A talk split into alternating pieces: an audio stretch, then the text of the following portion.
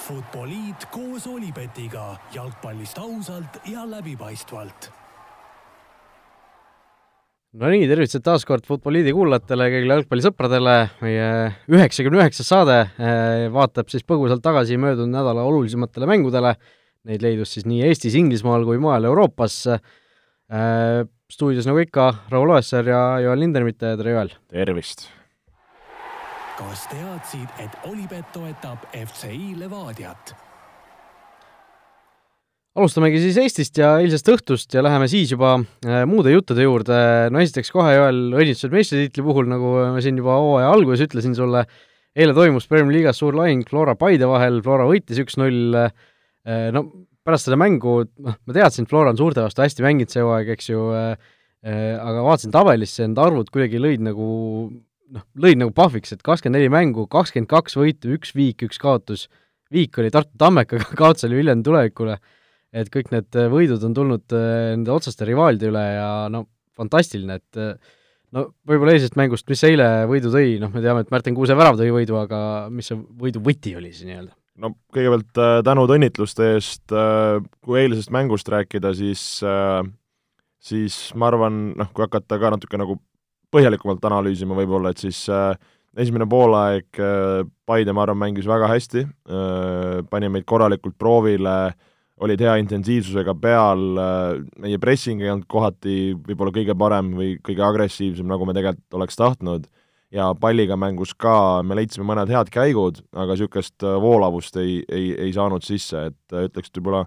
mäng oli pigem esimene poolek Paide kontrolli all, aga aga, aga nad väga selliseid ohtlikke momente peale ühe ei suutnud nagu luua ja oligi siis poole lõpus äh, saime, saime standardi, mille, mille teadlikult ja, ja hästi nagu ära realiseerisime. ja, ja see kindlasti andis meile niisuguse hea tõuke, Paidel lõi veidikene masti maha, poolajal kohandasime seal mõningaid detaile palliga mängus ja no näha oli ka, et äh, muutusime enesekindlamaks äh,,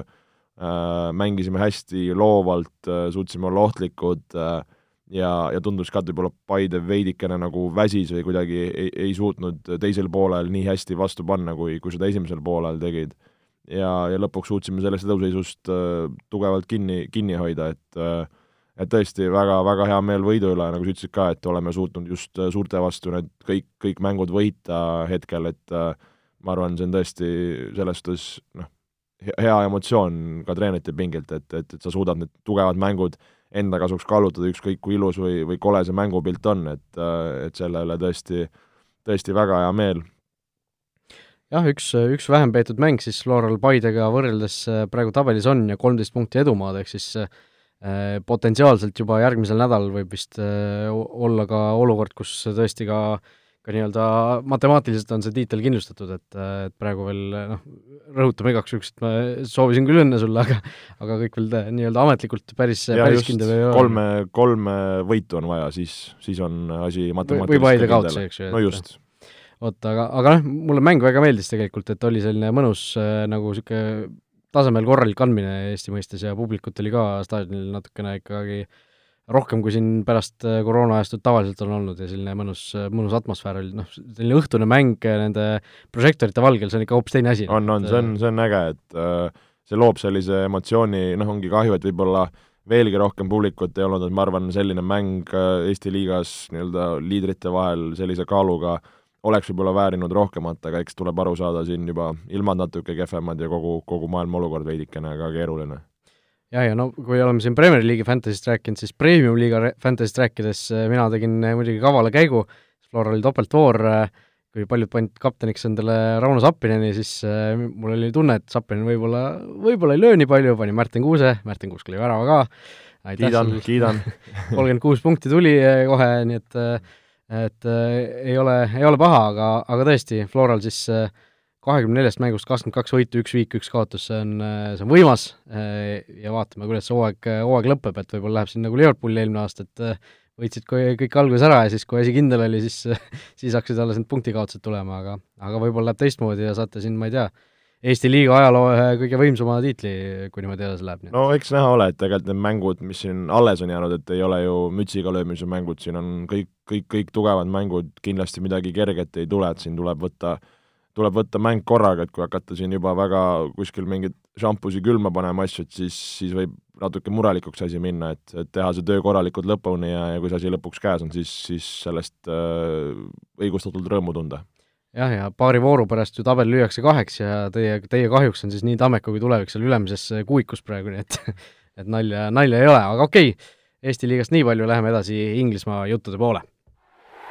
kas teadsid, et Olipet pakub parimat mitmikpanuste diili Eestis?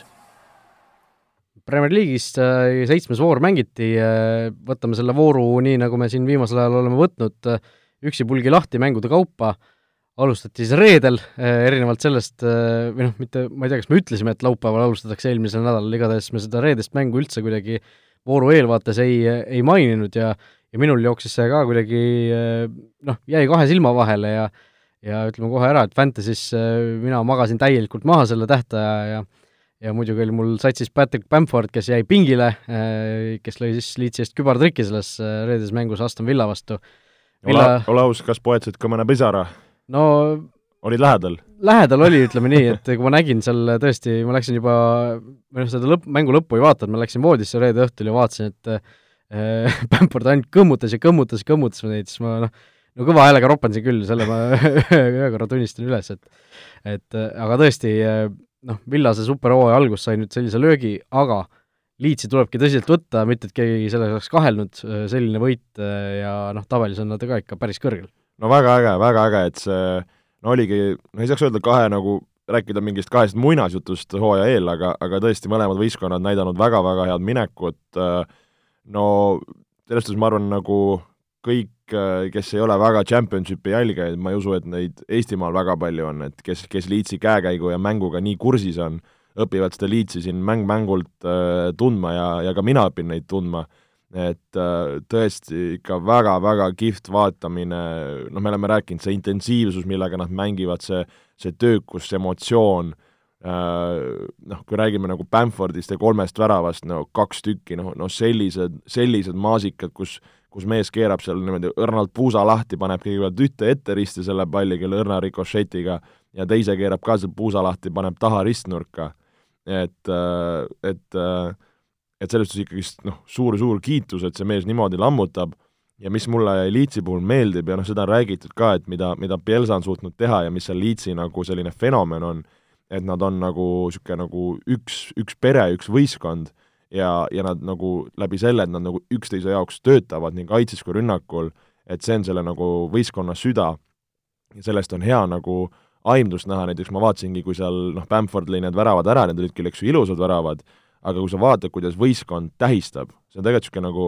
nagu ütleme, veits nagu lambi asi, mida vaadata, et mõnikord sa näed, kes läheb seal üksi ja kaks-kolm parimat sõpra tulevad, löövad patsu ja ülejäänud ei raatsigi. seal sa nägid, iga värava ajal oli sul nagu sekundiga kogu võistkond koos ja, ja lisaks veel vahetusmehed, kes sul siis läheduses sooja tegid. et see nagu see terviklik või see, see selline ühtsus on seal väga kõva ja sellise ühtsuse ja hingega võib,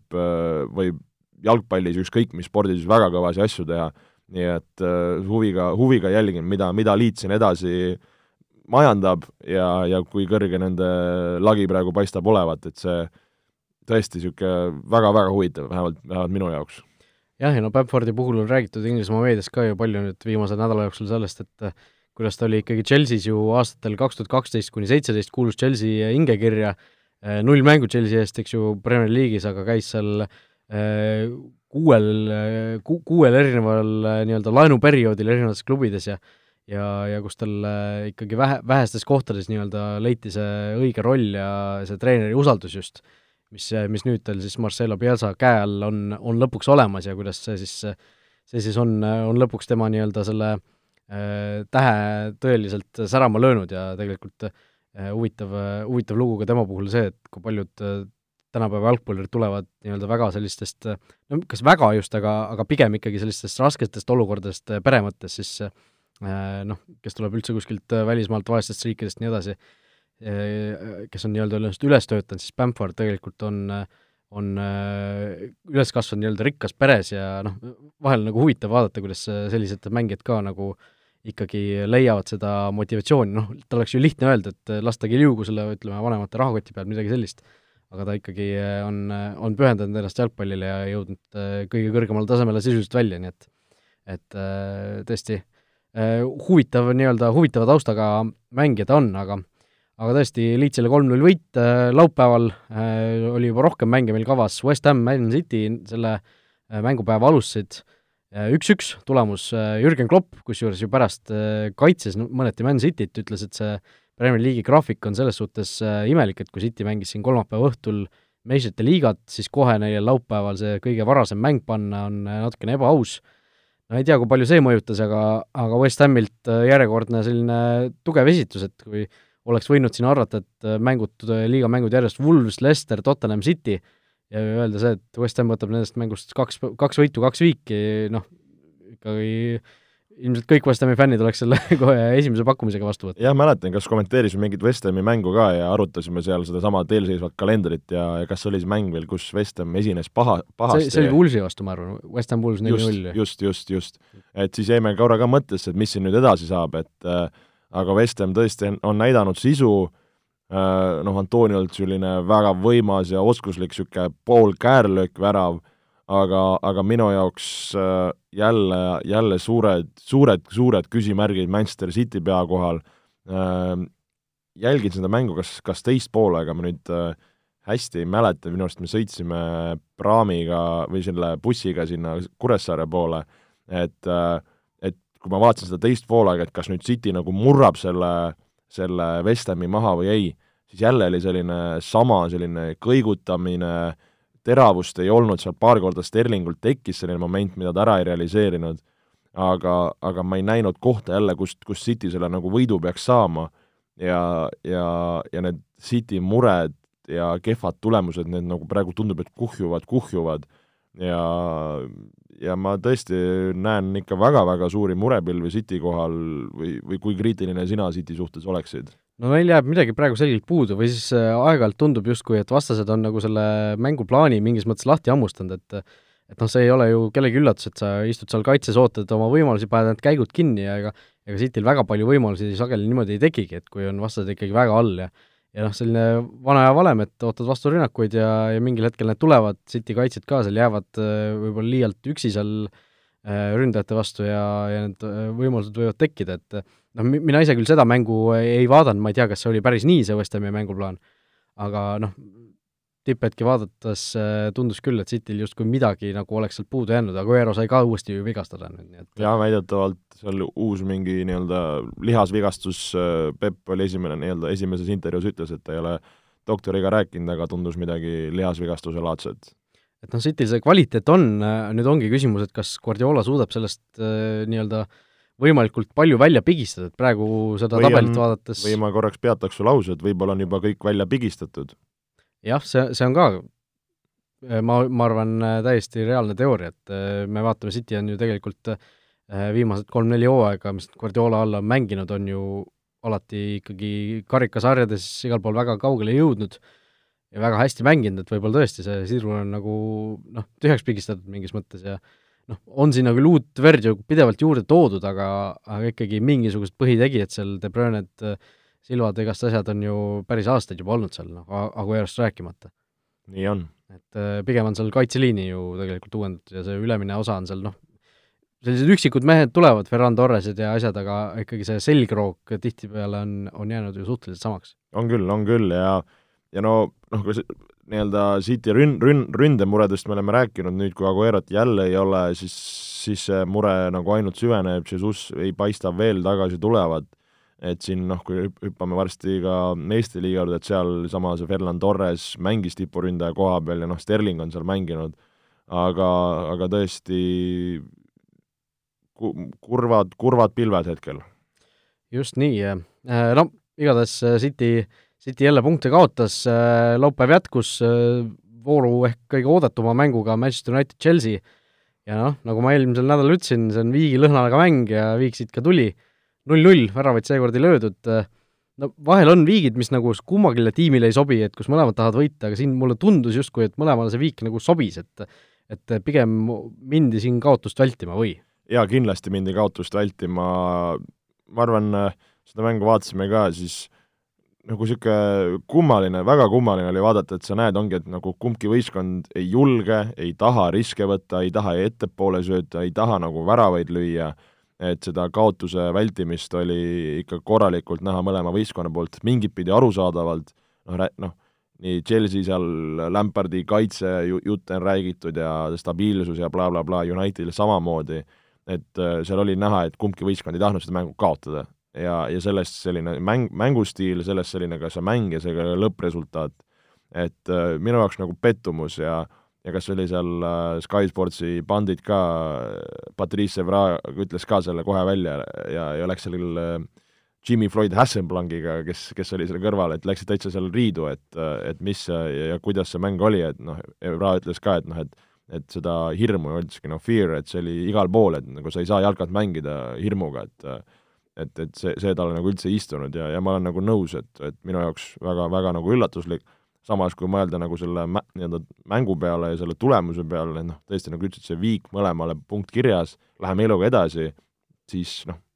tundub ka nagu okei okay. no seal see uus väravat Chelsea'l, Eduard Mendi tegi paar head tõrjet, aga üks äh, suurim võib-olla selline jutupunkt selles mängus oli, oli see Chelsea nii-öelda penalti soov äh, ühe tsenderduse ajal Aspilicueta hüppas õhku, Maguire noh, embas teda õhust, murdis ta sisuliselt maha, lõi palli peaga puhtaks, videokohtunik vaatas vist asja üle ja vaatas, et kõik on okei okay. no võib-olla videokohtunik oli siin nädalavahetusel või ootas seda õhtust UFC fighti ja, ja, ja arvas, et see on kõik okei okay,, et et nagu Khabib seal väntsutas vastaseid, et siis Maguire võis ka nii teha, aga tõesti veidike kummaline oli, ei, ei noh nii palju on nagu seda segadust jälle, et mis, mis, mis nad siis ütlevad selle kohta? nojah, et äh, siin jällegi ei saa ju unustada, et see videokohtunik või varr ei ole mingisugune robot või või mingisugune selline anonüümne institutsioon, et seal taga ongi reaalne inimene Premier League'is, reaalne videokohtunik, kes teeb neid eksimusi, kui, kui need on eksimused, noh see oli ilmselgelt eksimus, selle asja eest ju peab penalti andma, seal ei ole ju muud valikut, on ju. et oleks see, oleks olnud mingisuguses pallivälises situatsioonis, oleks olnud kuidagi äh, noh, mingisuguses täiesti muus olukorras, aga see pall tuligi konkreetselt Aspilicueta pea peale, Maguire võttis ta ümbert kinni, sisuliselt kätega surus alla ja lõi see palli ise peaga puhtaks, et et noh, täi-, täiesti nagu absurdne olukord, kuida-, kuidas sealt ei tule penaltit, aga nagu noh, Unitedi toetajana nagu sobis see otsus muidugi, aga, aga noh, ega see, sellest head maiku niikuinii suhu ei jää, aga noh, null-null viik oli, kokkuvõttes oli vist pigem aus tulemus ikkagi. pigem aus, pigem aus ja õhtu lõpetas Liverpool Sheffield United kohtumine, Liverpool võitis kaks-üks selle, Sheffield on seda hooaega alustanud suhteliselt kehvasti, on seal tabeli lõpus täitsa, aga selles mängus mängiti hästi, oleks võib-olla isegi väärinud sealt äh, viigipunkti, aga Liverpool endiselt tundub, et on olemas mingisugune selline klass, mis aitab neil sellised mängud äh, nagu enda kasuks ikkagi kallutada, nagu me ikka tegelikult ju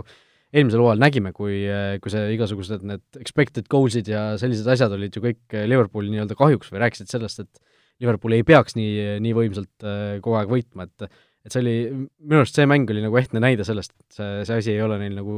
kuskile kadunud veel. ei, ei kao, ma arvan, et kui sul on nii palju häid, häid mängijaid sul üleval võtta, Diego Jota selle kaks-üks värava lõi, ma arvan, ka väga hea täiendus sinna, sinna Liverpooli, sai ka ju Champions League'is värava kirja, et et, et niisugune lisavärskus täpselt, mida, mida Liverpool vajas seal ülevalpool noh, keskväli on neil sama, aga noh, murekohad on nüüd kaitse koha pealt, sest äh, ju nüüd sai ka vigastada Fabinho, kes, kes siis lappis seda Van Dijk'i kohta keskkaitses. Ja noh, Fabinho oleks olnud igati loogiline ja okei valik, aga nüüd, kui ka Fabinho on väljas äh,, tundus ka, et seal äh, ka midagi lihasega, reiega probleem, noh, see on ka pigem selline noh, kuu aega pluss-miinus et tõesti nüüd, mis, mis saab Liverpooli kaitseliinist, et seal tuli nooruke äh, nooruke Reis Williams, Reis Williams akadeemiast, kes on seal U kümnest äh, Liverpooli esindanud, mis selles suhtes on äge, väga vähe mänge tal, kes oli üks-kaks mängu reaalselt äh, Liverpooli, kes tegi jah, Carabao Cupis tegi, tegi debüüdi siin äh, Van, Van Dijk'i kõrval oli just jaa, just Van Dijk'i kõrval, et, et selles suhtes noh, mingit pidi siis peavadki kas need noored mehed akadeemiast hakkama pead kandma ja, ja, ja mängu tegema või, või noh, mis need muud lahendused on, et siin Matip äh, väidetavalt on äh, kahe-kolme-nelja nädala teema, et saaks tagasi, et kas sa liig-, liigutad äh, Hendersoni sinna alla, James Miller katab kõik kohad niikuinii ära, mängib kõik kohad välja, noh, variant on ka äkki Trent sinna panna, Sepp van de Berg on üks äh, noor kaheksateistaastane mees, kes siin on ka ju idee poolest variant, kui siin noorte poole vaadata, noh see Reis Williams niikuinii, on ju. no Trent, äh, arvad, et ta oleks keskkaitses, saaks ma hakkama? arvan, ta saaks, sellest ta on ju mänginud ju ka nagu kesk, alumist poolikut, võib-olla ta ei oleks ju nagu gabariidilt nii võimas, aga ta nagu see mängu lugemine minu jaoks on päris okei okay et äh, päris okei okay. lausa. ei no lihtsalt, et kui sa mõtled nagu keskkaitse koha pealt, et sa pead äh, suutma nagu mitut positsiooni mängida, et muidu. Mm. rääkides mängu lugemisest jah, mida ta väljakul näeb, mida ta teeb, see on täiesti imetlusväärne, aga ma mõtlen ka nagu keskkaitse koha pealt, et äh, eks sul on näha, et sellest Kloppil nagu nuputamist on ja ja noh, võib-olla on vaja hakata siin äh, telefoninumbreid otsima Dejan Lovreni ja Ragnar Klavenit, et äh, siin kuulge mehed, tulge ruttu, ruttu appi. No see Klaavan ju praegu tundub, et seal Kaljaris on nagu pingile langenud, et võib-olla selline pooleaastane väike laen, et tule selle killust aga samas nagu, kui mõelda, et okei okay,, sa lasid äh, Lovrenil minna, sul oligi no põhimõtteliselt Matip, Van Dijk ja Gomes, et ja noh, Fabinho oli seal teada, et on ka variant, on ju. no jaa, aga ma mõtlen just nagu komplekteerimise seisukohalt, et äh, kuidas Liverpooli-sugune võistkond tegelikult ei ole siis nagu soovinud omale niisugust neljandat keskkaitset äh, siis hankida või, või selle kallal nagu tööd teha jah, ilmselt äh, Van Dijk ju, kes on siin Premier League'is teinud kõik mängud kaasa enne oma vigastust algusest lõpuni, noh, võib-olla loodeti liialt sellele, et ta püsib terve, eks ju, ei arvatud, et Bigford midagi sellist teeb, on ju, et et Van Dijkil ei ole muidu vigastustega muresid olnud, aga, aga tõesti, noh, kui sul Van Dijk on olemas terve, siis tema on nagu üks mees, kes kogu aeg mängib kõik minutid seal ära, on ju, et sul ongi nagu sellele teisele kohale võib-olla vahe, aeg-ajalt vaja roteerida, aga noh, kui nüüd Van Dijk ka vigastada sai, siis tõesti on on jama majas, et ei no pluss lisaks tegelikult, kui sa mõtled Matipi peale, siis ta on kogu aeg olnud äh, vigastuste aldis. Koomes samamoodi tegelikult. jah, ütleme niimoodi, sul on olnud niisugune, ütleme kaks pool siis ütleme keskkaitset tegelikult. Jah, et äh, ei, see on tõsi. Ja noh, ma arvangi, et äh, nad lootsid võib-olla ka Fabinho peale, kes, keda ju eelmine hooaeg ka mängitati aeg-ajalt keskkaitses, kes, kes oli nagu see variant kogu aeg seal olemas äh, vajadusel tõmmata ja noh, ja noh, igasugused Hendersonid ja Milnerid tõesti on potentsiaalsed nagu varuvariandid ka seal olemas, et võib-olla see asi ei olegi Kloppi jaoks niivõrd, niivõrd nagu hull, samas noh, kui sa võtad Hendersonit ära, siis sul on vaja seda keskvälja ka kuidagi täita ja sealt noh no keskväljal, samas, seda küll, aga samas keskväljal neil sügavust on ja et seda ma nii palju ei muretseks Liverpooli puhul, pigem just see, see kaitsekoht, kui rääkida seal nagu sellest Fabinho ja üldse siin vigastustest, siis kas jäi kuskil Briti meediat äh, lugedes silma, et et nelikümmend kaks protsenti võrreldes siis eelmise hooaja sama seisuga on tõusnud lihasvigastuste arv mm.. ehk see on jälle see, sellest, millest me oleme rääkinud, see tihe mängude graafik, olematu pre-season ja kõik see sinna juurde. et, et see, et siin mehed järjest kukuvad, on, on päris, päris hull ja, ja nüüd peavadki siis treenerid leidma lahendusi, kuidas roteerida, millal roteerida, kellega roteerida, et, et ma arvan, me näeme siin neid, neid juhtumeid veel ja veel. Just äh,, nii et Liverpool oma võidupunktid kätte sai, aga lõpuks ikkagi tulevikku vaadates võib-olla asi äh, natukene äh, natukene selline ähvardav on, pühapäevastest mängudest äh, alguses kohe Southampton Everton, ehk siis kui Villa sai vooru alustuseks kaotuse kirja, siis teine hooaja alguse suur äh, täht Everton äh, samamoodi äh,, Southampton esimesel poolel oma need punktid kirja sai või need võidu, väravad kirja sai ja ja noh, pigem ikkagi vääris selgelt Southampton seda võitu selles mängus. ja võib öelda, et tuleb Southamptonit kiita, mängisid paremini, pärast peatreeneri intervjuus ka samamoodi ütles, et ta, ta arvas ka, et nemad väärisid seda, Ancelotti kiitis neid, ütles, et nad ei olnud äh, see päev piisavalt tasemel, Southampton oli terav äh,, nagu kas oligi Southamptonil äh, see nii-öelda aastaaja anniversary sellest üheksa-null kaotusest äh, Leicesterilt, et äh, et kuidas nagu võistkond on, on nagu tagasi tulnud sellest, oleks võinud ju arvata, et sinna, sinna see laev upub, aga, aga see hooaja algus neil oli võib-olla nagu nõks konarlik, äh, noh, me rääkisime ka, et Southamptonilt võiks midagi head oodata, tegelikult see võistkond, kui sa vaatad nagu nimesi, sul on Danny Ings seal ees, Jay Adams seal kõrval samamoodi saab ennast käima ja on resultatiivne ja samamoodi keskvälja ääred toetavad, et äh, et äh, ma arvan, Southampton võib hakata siin nagu neid nuppe vajutama ja skalpe võtma ja, ja samas see näitab ka nagu Evertoni haavatust, et kui me arvasime, et siin Everton hakkab nagu tiitlit võitma, et kui sa lähedki lõpuks nagu võõrsil Southamptoni vastu saad null-kaks tappa, et siis sa näitad, näitad, et sa oled ikkagi ka nagu lihtsuralik, eks. et, et ma arvan, nagu Ancelotti ütles ka, et noh, oli, oli selline päev, aga, aga see ei ole noh, midagi hullu, et, et elu läheb edasi ja, ja ega ma arvan, seal ei olegi midagi kaua, kaua mossitada, et see on, see on Premier League. jah, sama mängu puhul äh, peame rääkima ka sellest äh, Lugadinie punasest kaardist, äh, kes ei ole näinud, siis ajas nii-öelda keskväljal Walker Petersit taga ja oli, tantsis tal nii-öelda selja taga, vaata seal noh, üritatakse seda kontakti vältida, ja siis kuidagi tundus, et ikkagi kogemata astus Walker Petersi jala peale ja see, siis nagu surfas selle peal kuidagi, see jalg jäi nagu maha, liikus edasi ja Denier vajutas selle peale või noh, tema jalg nagu, kogu keharaskus läks selle Walker Petersi jala peale mis libises noh, niisugune meeter kaks tükki veel edasi, no väga niisugune omapärane olukord ja kummaline olukord, pole nagu varem sellist asja näinud. ja noh, Denier ise oli väga, väga nagu kuri selle peale, et sealt punane kaart tuli, aga samas me nagu ei näinud, kui, kui sa, kui sa ennast nagu kohtunike olukorda paned, siis sul ei ole nagu muud võimalust väga. no ja kui sa ikka tagant korkidega hüppeliigesesse astud ja sellise, nagu sa ütlesid, mingi surfamis- või, või vajutusliigutuse teed, ükskõik, kas see on kogemata või meelega, et seal ma olen nõus, et seal tõesti väga nagu tõlgendamisruumi nagu positiivsemaks väga, väga ei ole. vot nii, nii et punane kaart, õige otsus, Wools Newcastle üks-üks võib-olla kiirelt ka, Wolves jällegi viimasel ajal ei suuda väga kindlalt justkui esineda, et siin vahepeal võeti nende taga, tabeli tagumise otsa tiimide vastu selliseid üheväravalisi võite, nüüd Newcastle'iga ka üks-üks, aga noh, minu jaoks nagu allapoole ikkagi ootusi jällegi, ma Woolsilt viimasel kahel hooajal juba olen väga palju oodanud, aga no samas nüüd praegu nagu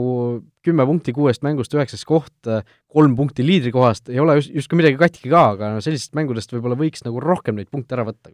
No minu jaoks on nad, sa ütlesid, et natukene nagu all, allapoole esinenud, minu jaoks on nad ikka väga palju, et äh, minu jaoks nad ei ole üldse veenvad äh,, kuidagi jäävad hätta siin äh, momentide loomise realiseerimisega, kui sa vaatad ka, nad on kõigest löönud kuus väravat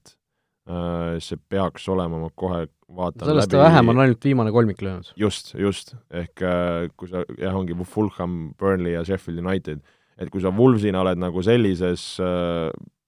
seltskonnas, siis see ei ole nagu kuidagi hea, hea näide. et kas siis tõetakse, äh, tõesti tuntakse puudust äh, Hotast äh,, noh, Jimenez tegelikult on oma ära teinud, aga muud mehed seal praktiliselt ei, ei ole ju, ei ole võistkonda aidanud väravate näol et võib-olla kui need väravad tulema hakkavad, hakkavad ka need võidud tulema, aga, aga jalgpall on sellest lihtne mäng, sul on vaja, vaja väravaid lüüa. jah, et võib-olla jaanuarikuus seal mõni Portugali ääreründaja juurde tuua kuskilt. võib-olla tõesti et, et see ilmselt oleks, oleks ikka Woolsilik lahendus. Arsenal Lester null-üks selle päeva lõpetas, Lester võitis viimati liigas Arsenali võõrsil aastal tuhat üheksasada seitsekümmend kolm, nii et neljakümne seitsme aastase pausi järel siis Lester suutis Arsenali võõrsil liigas võita ja no kogu mäng seisnes nagu ootuses, et millal see Jamie Vardi lõpuks platsile tuleb, oli ta vigastatud natukene, alustas pingilt, lõpuks tuli seal kuuekümnenda minuti paiku peale ja noh, kui lõpuks platsile lasti, siis tuli see värav ka ära, et Tillemansilt supersööt Cengiz Ünderile, teisele vahetusmehele, temalt hea kross ja Vardi oli seal täitsa üksi unustatud värava ees ja ja Arsenal oli niisugune nagu apaatne või ideetu natuke selles mängus. olen sinuga nõus, no siin kõigepealt tahaks kuskilt nupust panna Jamie Vardi Is having a party laulu peale ja, ja, ja tõesti Vardile äh, meeldib Arsenali vastu lüüa, üksteist tükki juba, juba löönud ja, ja ainult äh, Inglise liigas siis äh, Rooney löönud Arsenali vastu rohkem, et, tõesti fenomenaalne mees, nagu sa ütlesid ka, et kõik ootasid, millal ta tuleb, tuli ja lõpuks lööb ära, otsustab selle mängu, et tõesti kergitame kaabut ja ja, ja noh, temast me oleme rääkinud ka, et kõik nagu ootavad, et ta veidike nagu ära vajub, aga siis ta tuleb ja ikka teeb ja, ja tundub, et nagu jääb tegema et, et selles suhtes äh, vinge mees, vinge mees ja kõva võit Lesterile. aga kui sa juhatasid mu küsimusega sisse, et mis, mis Arsenal tegi, mis ta oli apaatne, siis äh, kui ma olen nagu kuidagi sinisilmselt siin nagu lootnud või uskunud Arsenali, siis äh, see mäng minu jaoks äh, tekitas päris suure kurbuse Arsenali kohta või sellise pessimismi, et tõesti väga loid mäng, ei suudetud seal nagu väga väga momente luua, okei okay,, esimesel poolel seal mõned senderdused, oli seal nurgalöögist värav, mis ära võeti, et ei saaks öelda, et nagu üldse ei loodud võimalusi, aga ma ei näinud mängus niisugust otsustavust või teravust, et äh, kas see mäng oli niisugune nagu aeglane või liiga ettearvatav, noh, kui mõelda, et seal noh, mängiti ütleme sellises nagu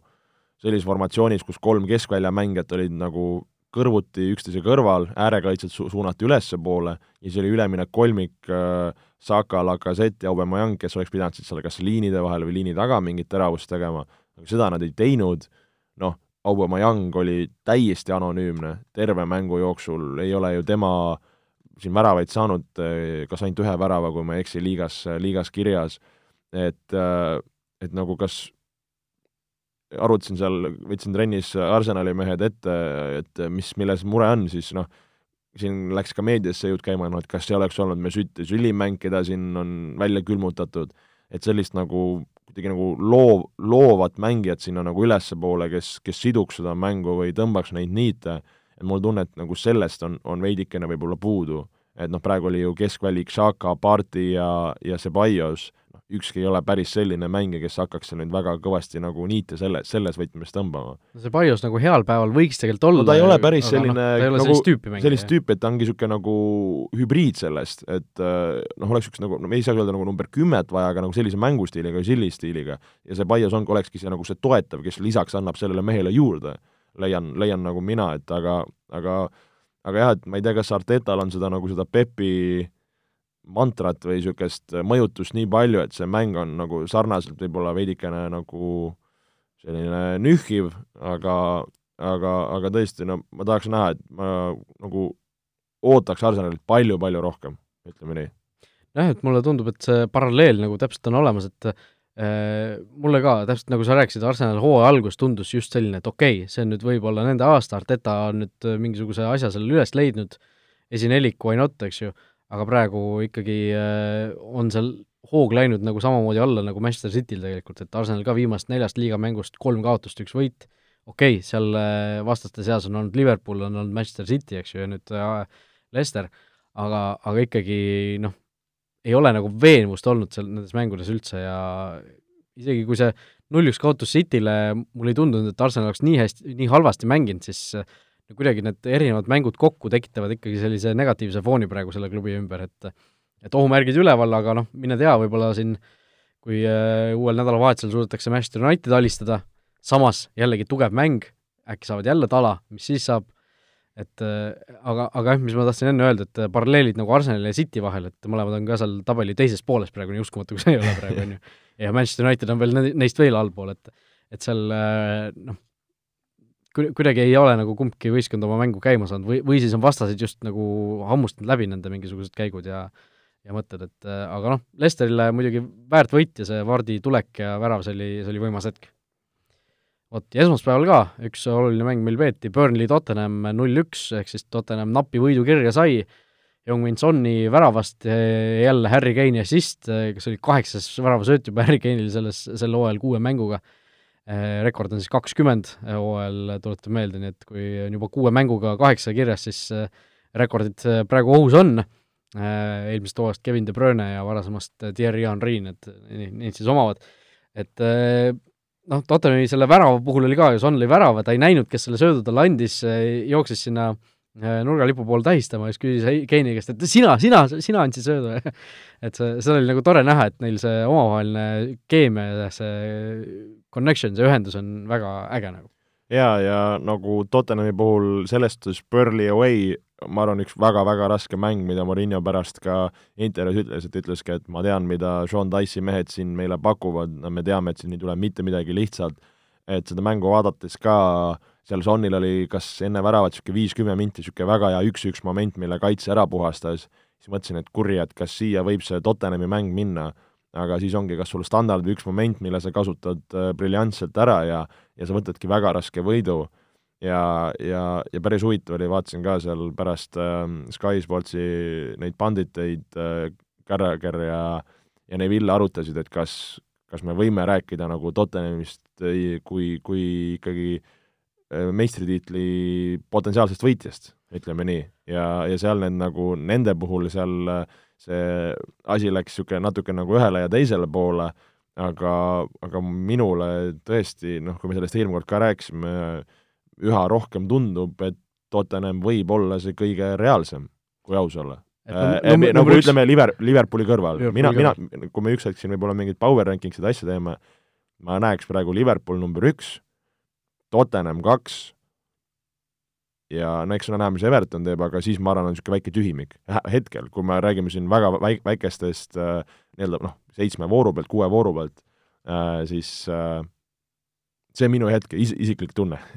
väga raske, aga, aga lihtsalt tunne no ma paneks võib-olla isegi vunki juurde sellele, ma ütleks, et Tottenham võib-olla praegu ongi number üks. Nonii, nonii. et noh, samas ma ei tahaks nagu liialt üle reageerida, aga samas nagu natuke võiks, võiks ka vahel, on ju. vahel, vahel võib, vahel et, võib. et noh, samas me vaatame, tabelivahed on niivõrd väikesed, et siin võib noh, kahe vooruga võib kõik pea peal olla, et Manchester City on hetkel kolmeteistkümnes, aga nad on Tottenhamist ainult kolm punkti maas, noh, et ja liidrist Evertonist viis punkti, et see ei ole ju tegelikult mitte midagi suures, suures plaanis. ja Cityl on veel üks mäng vähem peetud ka, tuletan meelde. et see noh, ma arvan, et see ei ole tegelikult üldse nagu ebareaalne, et Tottenham võikski siin äh, hooaja lõpuni välja panna, arvestades seda, et noh, neil tõesti ei ole nagu selliseid probleeme praegu näha, nagu on äh,, nagu on Cityl, nagu jah. on Liverpoolil, et et see, see on üks väga-väga huvitav hooaeg, mis siit tuleb, ma arvan. kindlasti, kindlasti ja nagu kui mõelda koosseisu peale, noh, me oleme rääkinud, et Bale üks hetk on tagasi tulemas, kui sul Son ja Kane laksutavad praegu nagu segased, sul tuleb Bale, kui tema peaks ka mängu, mängima saama sul on väga-väga jõhker kolmik, kaitses tegelikult neil mehed on ju olemas, ei ole seda, et neil ei oleks, ei oleks mängijaid. keskväli äh, võib-olla veidikene ütleme, tunneb puudust ka loovusest, aga samas, kui sul on ees kolm meest, kes nagu loovad ja teevad, siis võib-olla sul ei peagi olema. et, et mina jah, huviga seda Morinho ja Tottenhami käekäiku kindlasti sellel hooajal jälgin ja, ja vaatan, mis saab, aga aga tõmbame siis äh, selle Tottenhami meistritiitli rongi või, või jutu, jutu käima. no oota, ma hakkasin praegu mõtlema, et äh, see on ikkagi teine hooaeg ju, tal on, oota kas tavaliselt ei ole, see on, äh, peaks olema ju eelmise ei, kakskümmend kolm november kaks tuhat üheksateist, ehk siis eelmi-, eelmise hooaja ikkagi keskel tuli. eel, nagu põhimõtteliselt nüüd saab varsti saab aasta täis, ta tuli ta talvel jah, et noh no, jah, nagu ütleme esimene, esimene täishooaeg siis, aga kokkuvõttes nagu noh, sisuliselt nagu teine hooaeg, millal ta noh, saad aru? saan aru, saan aru, aga no sellest siis poole hooaja pealt tulla võistkonnaga, mis sulle lihtsalt kätte antakse, rääkides seal vigastust asjadest, et äh, see, nüüd ta saab teha seda asja nagu otsast peale normaalses rütmis, nagu okei okay,, kui, kuivõrd see normaalne rütm on mingi olematu pre-season'i pealt. aga mis ma tahtsin öelda, et Murinol on ju see teine hooaeg, kus tal äh, kõikides klubides, see on see, see on see, kust tuleb see tippsaavutus ja kolmas hooaeg tuleb, tuleb äh, allakäik, et kui seda, seda nii-öelda dünaamikat jällegi uskuda, mis on seni nagu paika pannud või nagu paika pidanud igal pool, siis noh, tõesti, Tottenham äkki, äkki isegi tuleb siit midagi väga ägedat, et see noh, ma üldse, üldse nagu noh, mulle väga meeldiks, kui Tottenham teeks hea hooaja. mulle ka, mulle ka. et, eh, et see, see oleks äge lihtsalt eh, ja noh, neil oli vahepeal ju ka nii hea periood seal Pochettino käe all, kus nad no olid lähedal, olid lähedal, olid lähedal, aga kordagi ei võitnud, noh kas või see Lesteri tiitlihooaeg, kus paljud ka arvasid, et see on nüüd Tottenhami suur võimalus, no ei tulnud, mögasid ära selle jälle, et aga noh, Tottenhami väga Tottenhamlik äh, töö oleks muidugi see, kui nad jõuaksidki kuskile lõpuni välja ja siis saaksid seal viimases voorus peksa kellegilt ja ja annaksid asja käest ära, aga, aga ütleme jah, et äh, sa ütled, et number üks on praegu Liverpool endiselt no,. jah, ei tahaks veel neid maha, maha nagu kriipsutada, aga võib-olla varsti peame no ütleme, no ma ütlen natuke loon intriigi, intriigi, ütlen, et äh, praegu number üks Tottenham, nii et äh, vaatame, vaatame, mis saab.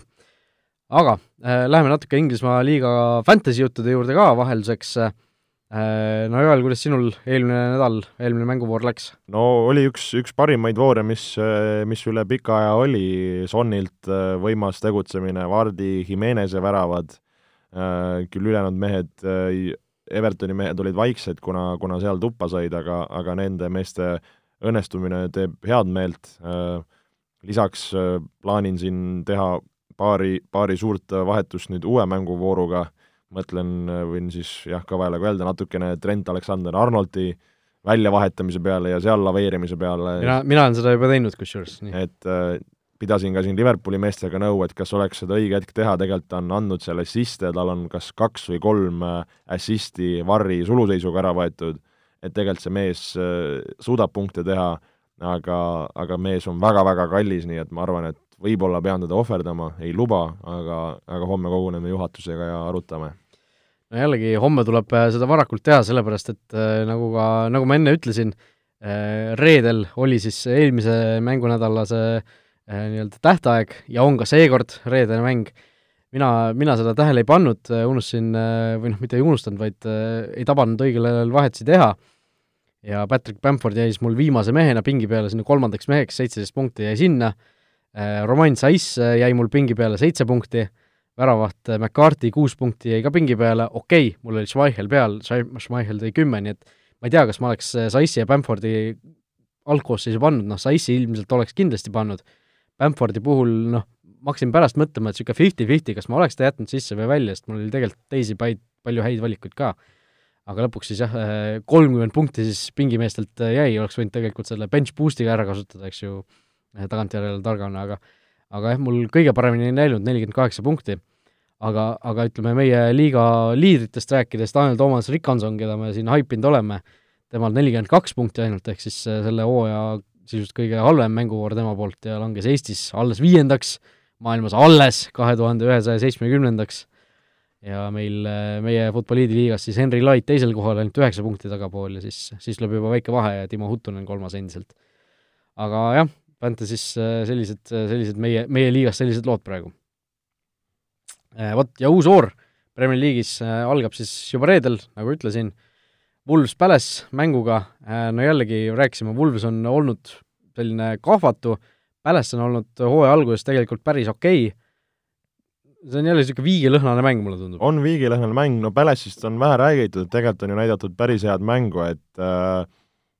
ma võib-olla isegi usuks Palace'isse selles mängus rohkem, noh, ma tahaks, et nagu Wolves siis nii-öelda äh, sunniks mind nagu eksima, aga, aga Palace on praegu olnud päris, päris põnev ja ja, ja tõesti, ma arvan, nagu sa ütlesid, viigilõhnaline mäng, aga, aga põnev mäng, noh, kui rääkida natuke siin nagu seda fantasy poole, noh et võib-olla Zaha on siin terav, noh, Woolsi puhul võib-olla Jimenez, noh, kas kaitses nulli hoitakse Palace'i vastu, ei tea laupäeval Sheffield United, Man City, äh, jällegi City jaoks äh, suur, suur selline tõestamise koht, Sheffield oli Liverpooli vastu hea eelmises voorus, kas nad suudavad nüüd City elu ka raskeks teha? no peavad üritama, neil on ka juba asi, läheb selles suhtes hapuks, et kuskilt nad peavad neid, neid võite või viike kuskilt võtma hakka, hakka, hakkama, et praegu üks, üks viik, viis kaotust, noh, kui sa ei suuda seal omasuguseid või, või, või, või selliseid võite võtta, siis, siis sa pead, pead kuskilt tugevamaid napsama ja ja juba vaikselt nagu selg vastu seina. et äh, sellise meeleheitliku mänguga kaitsesambad ristis City vastu, kes ei ole ka veenev, miks mitte? no rääkisime siin Tottenhami puhul Burnley võõrsil mängust, äh, täpselt sama mäng tuleb nüüd Chelsea'l, äh, no Burnley Tottenhami vastu napilt jäi punktist ilma, kas seekord Chelsea vastu tundub, Chelsea tundub nagu selline reaalsem vastane, kelle vastu Burnley võiks, võiks seekord üllatada. no Burnley'l samamoodi tulemusi ei ole tulnud, nagu sa ütlesid ka ennem, et äh, üks viik, neli kaotust, äh, Sean Dice ka pärast intervjuud ütles, et noh, et me tegelikult liigume õiges suunas, me mängime okeilt, praegu tulemust ei tulnud, tulnud, et küll nad tulema hakkavad, no Chelsea jaoks väga-väga raske mäng noh, kui me kogu aeg räägime siin nagu, et Chelsea'l on niisugused äh, küpsuseksamid nagu teel selle hooaja lõikes, siis äh, ma arvan, see võõrsil Burnley vastu on, on üks suur küpsuseksam ja, ja seal neid muud ei, ei tohiks rahuldada kui ainult võit. Liverpool, West Ham, jällegi West Hami üliraske seeria jätkub, kas West Ham jätkab selles, selles seerias kaotuseta ka pärast seda mängu? ei tahaks uskuda, kuskil see ramm peab äh, nii-öelda raugema ja kui nad on nii paljude suurtega pidanud mängima ja hästi mängu teinud, siis ma ei tahaks uskuda, et Liverpool seda laseb, laseb teha või, või oled, tahad provotseerida? no mul nagu jah, ei ole nagu ühtegi tugevat tunnet ühelegi ega teisele poole selle mängu osas, et äh, ma nagu ausalt öeldes ei imestaks, kui, kui Liverpool seda mängu ei võida, aga noh, see Liverpooli võit tundub nagu nii loogiline tulemus ühest küljest, aga ma arvan, et äh, no ma, ma ennustan viiki, ütleme, kui siin peab jällegi midagi pakkuma. pühapäeval Newcastle Everton, kas Everton saab taas jalad alla? peab saama, peab saama, kui tahavad suurt mängu mängida ja usun, et ka saavad. ja Manchester United Arsenal jällegi, Manchester Unitedit puudutab selle vooru võib-olla selline keskne kohtumine, äh, no Olibeti küsimus on ka meil selle mängu kohta, mitu väravat lööb Arsenal teisel poolel, ütleme alustame siis sellest, jällegi selline huvitav küsimus äh,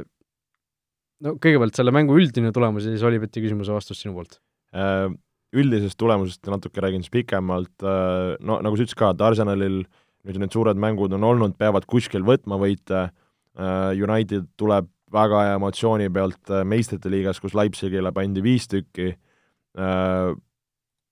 no Unitedi jaoks ka jällegi selles suhtes eksam, et kui tahavad mängida, mängida seal ülevalpool, siis, siis tuleb need mängud ära võtta kuhu poole see mäng kaldu läheb, ausalt ei oska öelda, tahaks anda väikse eelise Unitedile, sest see Arsenali mäng minu jaoks oli lihtsalt nii kehv, aga see oli nagu üks mäng, ähm, ehk ma annan, annan väikse eelise Unitedile, Olibeti vastuse annan üks värav Arsenalile. ma arvan, et Arsenal ei löö teisel poolel väravat, aga aga ma arvan, et United ei võida seda mängu ka, ma arvan, et siin tuleb jälle selline suhteliselt väravate vaene ja pigem, pigem viigilõhnaline mäng, mul on millegipärast selline tunne äh,. miks äh, Unitedi suhtes äh, nii pessimistlik pärast sellist suurt giga-, gigantset võitu? no mul on jällegi selline tunne, et see, need ei ole nagu kuidagi noh, need ei kand-, kandu nagu liigasse üle, millegipärast on selline nagu tunne aga, aga no jah äh,, Olibeti küsimusele vastata saate siis Olibet Estonia Facebooki lehel äh,, kes tahavad siis Olibeti mängus osaleda, postitage oma vastus sinna või oma ennustus ja kõigile õigesti vastanutele, kes olid samas mängu, samale mängule teinud siis Olipetis ükskõik millise panustamisliigiga viie-eurose panuse, saavadki endale siis kahekümne eurose tasuta panuse Olipetis, nii et äh, tasub, äh, tasub proovida. Äh, Tottenham Brighton pühapäeval õhtul veel noh, rääkisime siin Tottenhamist kui tiitlisoosikust, äh, jällegi peavad selle mängu siis äh, kindlalt ära võitma, ju. peavad, peavad. Leeds Lester esmaspäeva õhtul ka päris huvitav väga äge äh, mäng, väga äge mäng, ma arvan, eks ole näha, kas Vardi on, on terve, aga ma arvan, see tuleb ma ei usuks, et Lester seal läheb ka kraane kinni keerama, et ma arvan, see tuleb niisugune väga üles-alla mäng, kindlasti palju väravaid, kas fantasy sõbrad usuvad Bamfordi, hangivad ta endale raske koht, raske küsimus, odava hinna eest mehe saaks, äh, mõtlen ka ise selle peale, aga, aga veel võib-olla mitte, ei tea, kui halb või hea otsus see on, aga ma arvan, väga, väga äge mäng tulemas. Ja oleks eriti äge, kui Leeds selle ära võtaks. vot nii, nii et sellised jutud me, me, meil Prem-, Premier liigist, Premier liigast sai ka räägitud, läheme kiirelt edasi ka meistrite liiga poole. Olipetis on parimad suurliigade vastasseisude kohvid no eelmisel nädalal rääkisime meistrite liigas väga, väga palju selliseid suuri vastasseise sel nädalal ei olnud, aga aga selliseid üllatuslikke tulemusi juhtis, juhtus ikka, teisipäevast alustades võib-olla mõned mängud kiirelt, äh, Bayern kaks-üks alistas võõrsil Moskva Lokomotiivi, suhteliselt napilt isegi pääseti, ootamatult napilt, arvestades Bayerni sellist hoogu. Äh, Milano Inter kaotas Donetski Šahtari vastu võõrsil punkte, tehti null-null viik, ehk siis äh, Šahtar Reali ja Interi vastu kaks mängu kaotuseta Atalanta ajaks kaks-kaks, äh, seal äh, võitles ju Atalanta selle viigipunkti kätte null kahe pealt. Atletico sai raskustega jagu Salzburgist kolm-kaks ja Liverpool võitis Midtjyllandit kaks-null, Man City võõrsil Marseille'd kolm-null, midagi nende mängude kohta, mis on nii-öelda silma jäänud või no kiired märksõnad äh,, äh, Loko Moskov ja, ja Bayern München, Müncheni kolmeteistkümnes järjestikune võit meistrite liigas äh,, Äh, kõva tulemus, aga seda mängu vaadates, kui mängus sees tegelikult äh, Lokomotiiv oli, oli päris üllatav, et väga palju ohtlikke momente realiseerisid seal, et lõpuks Bayerni klass nagu võttis selle ära, Šahtari Interi viik, äh, üllatus, Inter seal raiskas väga palju, väga palju šansse, et Inter siin teeb oma elu ikka väga-väga raskeks, Atletico Joa Felixi suurepärane mäng, mis, mis võistkonda tassis. Äh,, Marseille City, Marseille läks väga-väga kaitsvalt mängima, ise praktiliselt mängida ei üritanudki, City võttis, City võttis võimuga ära,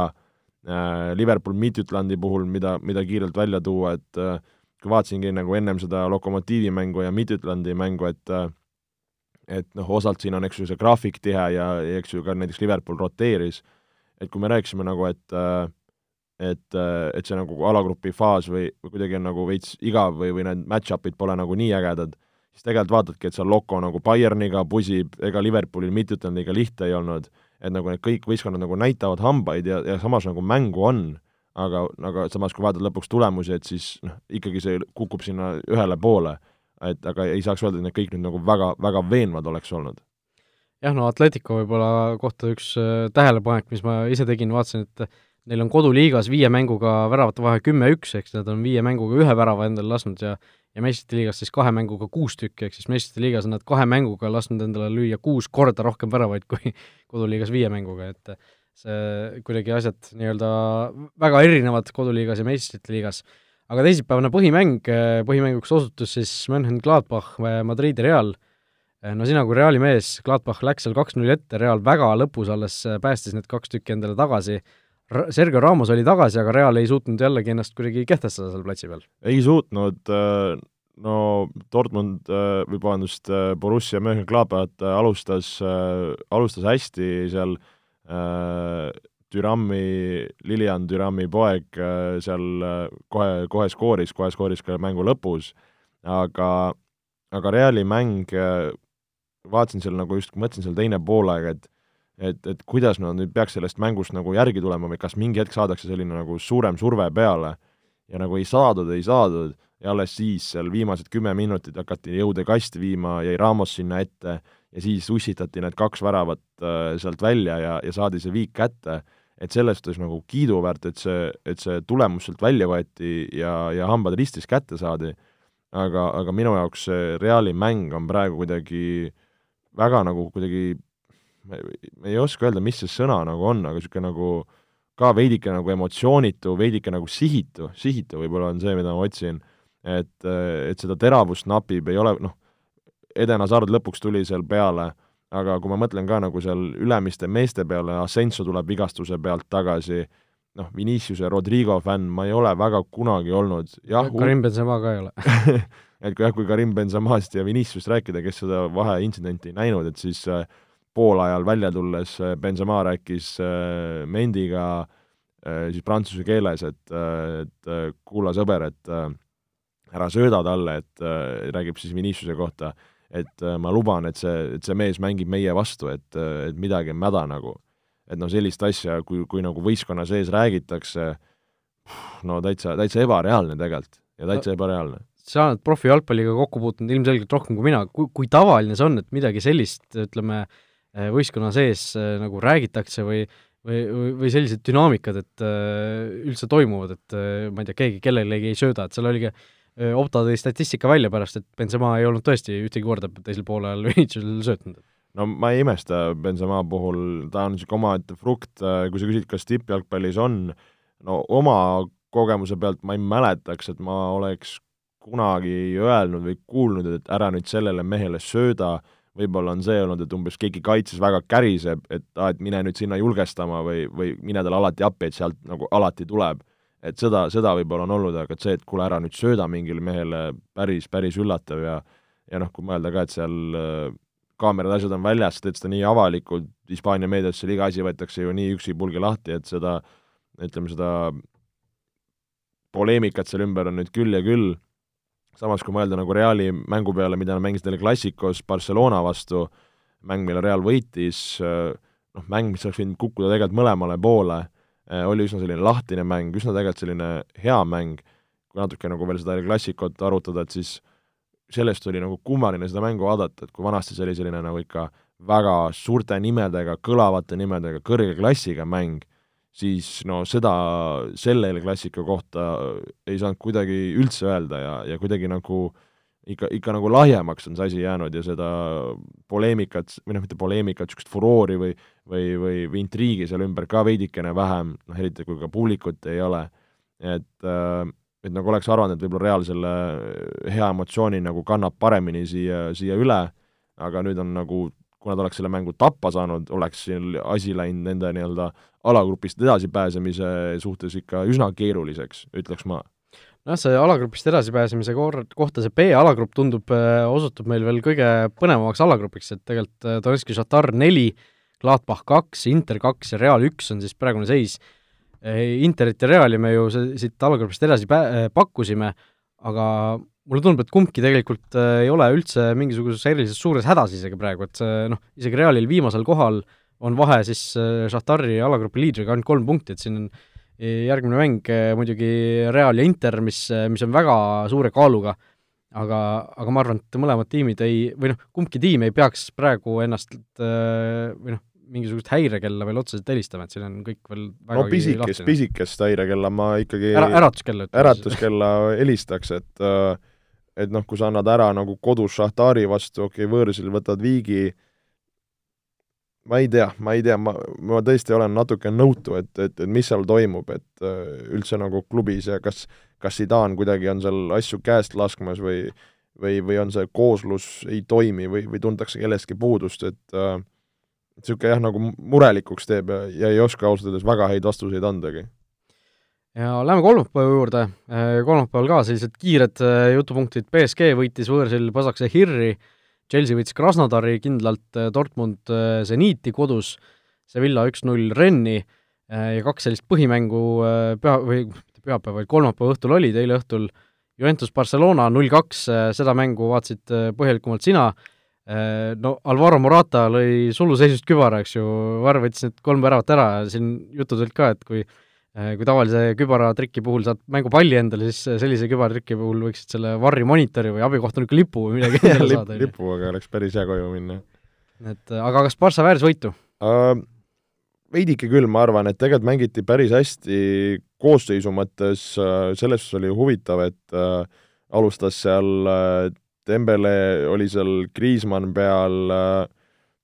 noh, alustas ka Pedri, kes, kes on noor mees siin, kes noh, ka jäi tegelikult El Classicos nagu üsna, üsna nagu selliseks äh, varju.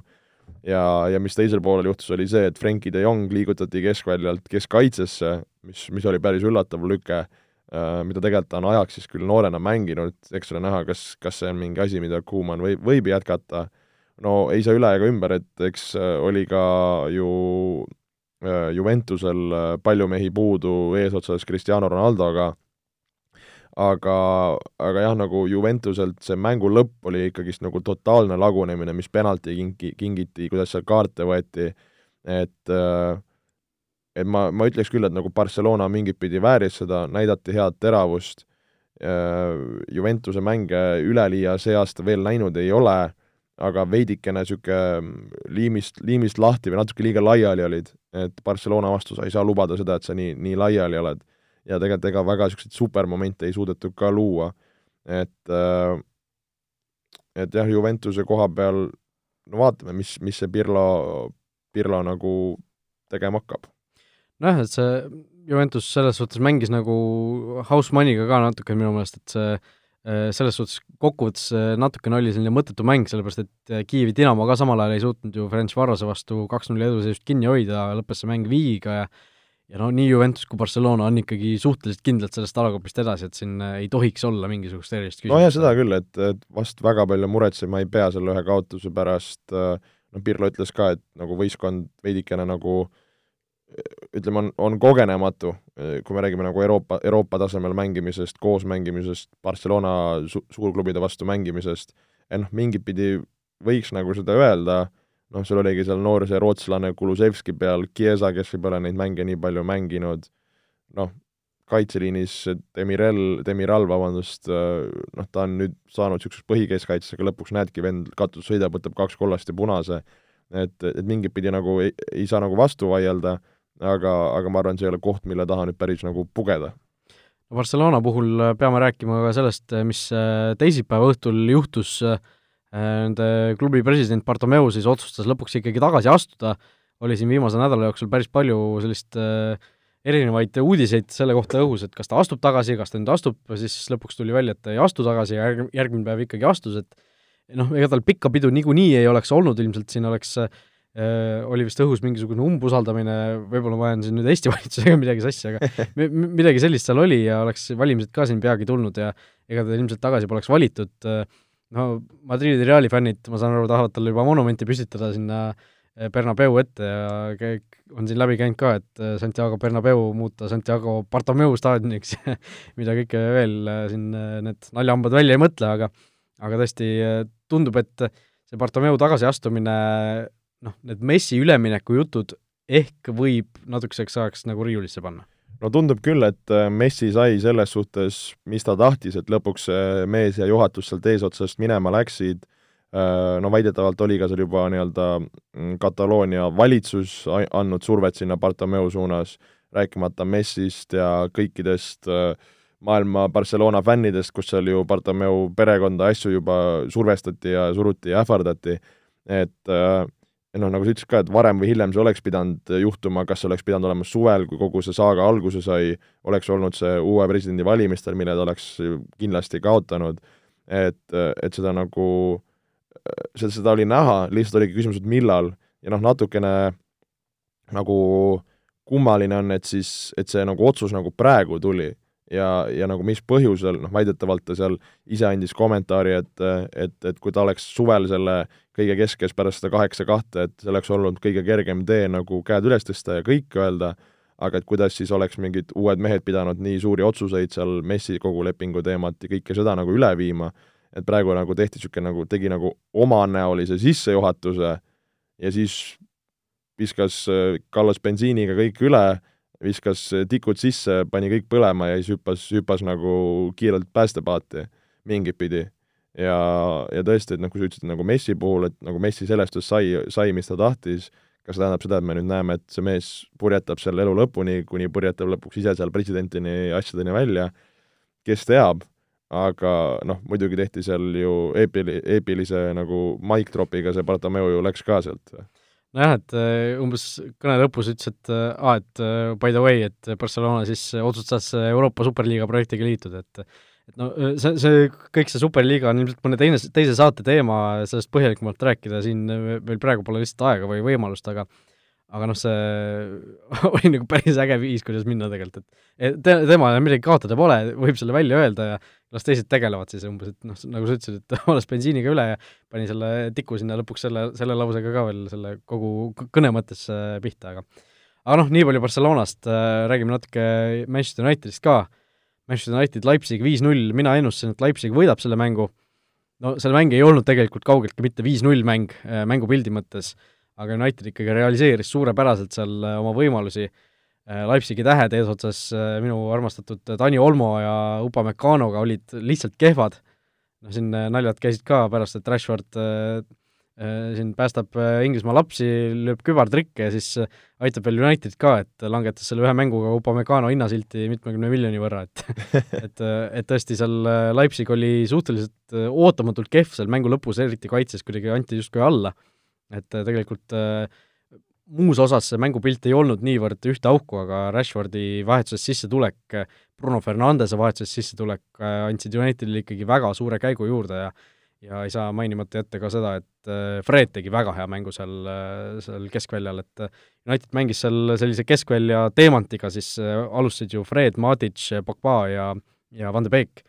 kõik neljakesi koos, et selline omapärane Vigo Jensenlik lahendus võib-olla seal Ole Gunnarit. kuidas äh, Van de Beegi mäng?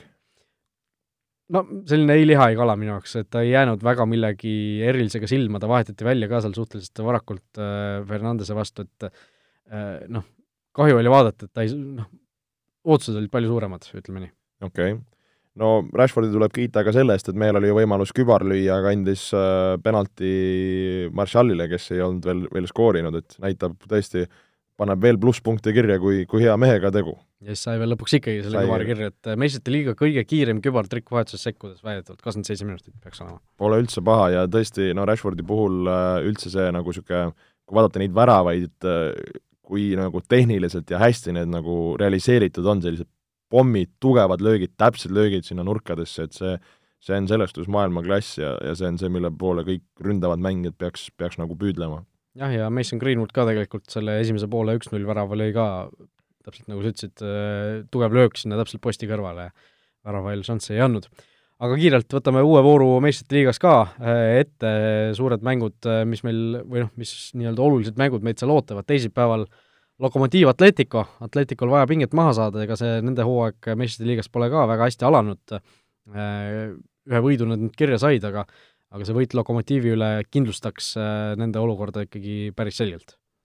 no kindlasti, aga nagu ma ütlesin, et Loko tegelikult Bayerni vastu näitas, näitas põnevat minekut, et ma ei usu üldse, et seal äh, ju Venemaal ka tegelikult äh, nägime, et päris palju fänne oli, päris häälekaid fänne, mis, mis andsid mängule päris ägeda vungi juurde, naljakas niisuguseid asju nagu, nagu rääkida, aga, aga nii on ja ma arvan, raske mäng, raske mäng Atleticule no teisipäevane tähtmäng äh, Inter-Real sellest B-grupist äh, natuke juba rääkisime siin, äh, Interil kaks punkti, Realil üks punkti, kes selle mängu võidab, on ikkagi suhteliselt või sees, aga kes kaotab, sellel on ikka päris pahasti juba sellel on pekkis, oleme ausad, sellel on pekkis ja ma ei, isegi ei oska öelda, kuhu poole see läheb, ausalt, ma olen Reali suhtes skeptiline, Inter üks hetk peab ju ka tulemust tegema, ma ei imesta, kui nad lähevad Madriidi ja sealt võtavad ära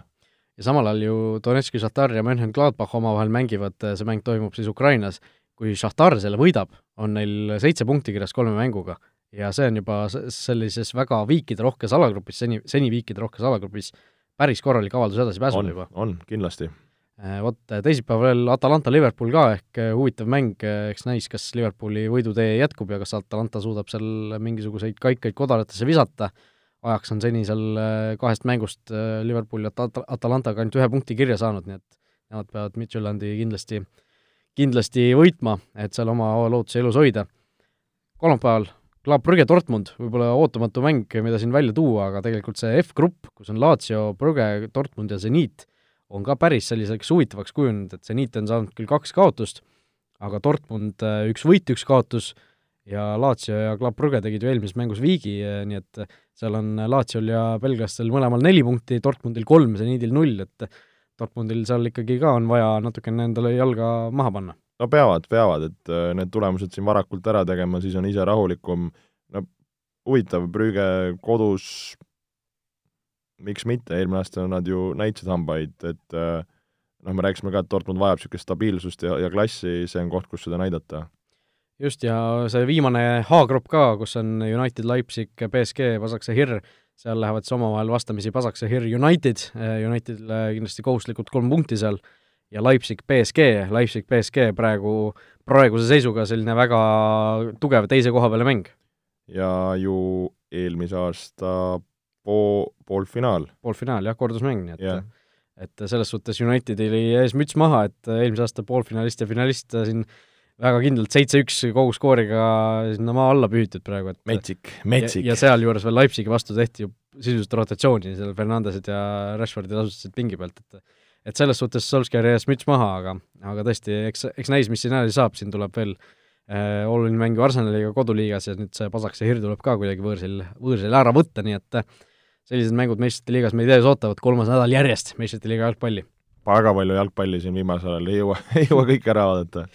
vot nii, aga tänud kõigile, kes meid kuulasid, äh, oleme tagasi järgmisel nädalal äh, meie sajanda saatega, siis loodetavasti mingisuguseid asju vahepeal ei juhtu, et et saame selle sajanda saate ka kenasti äh, juubelile vääriliselt ära pidada. meie täname, kohtume siis juba loodetavasti järgmisel nädalal. olge mõnusad! vutiviikendi parimad kohvid leiad Olipetist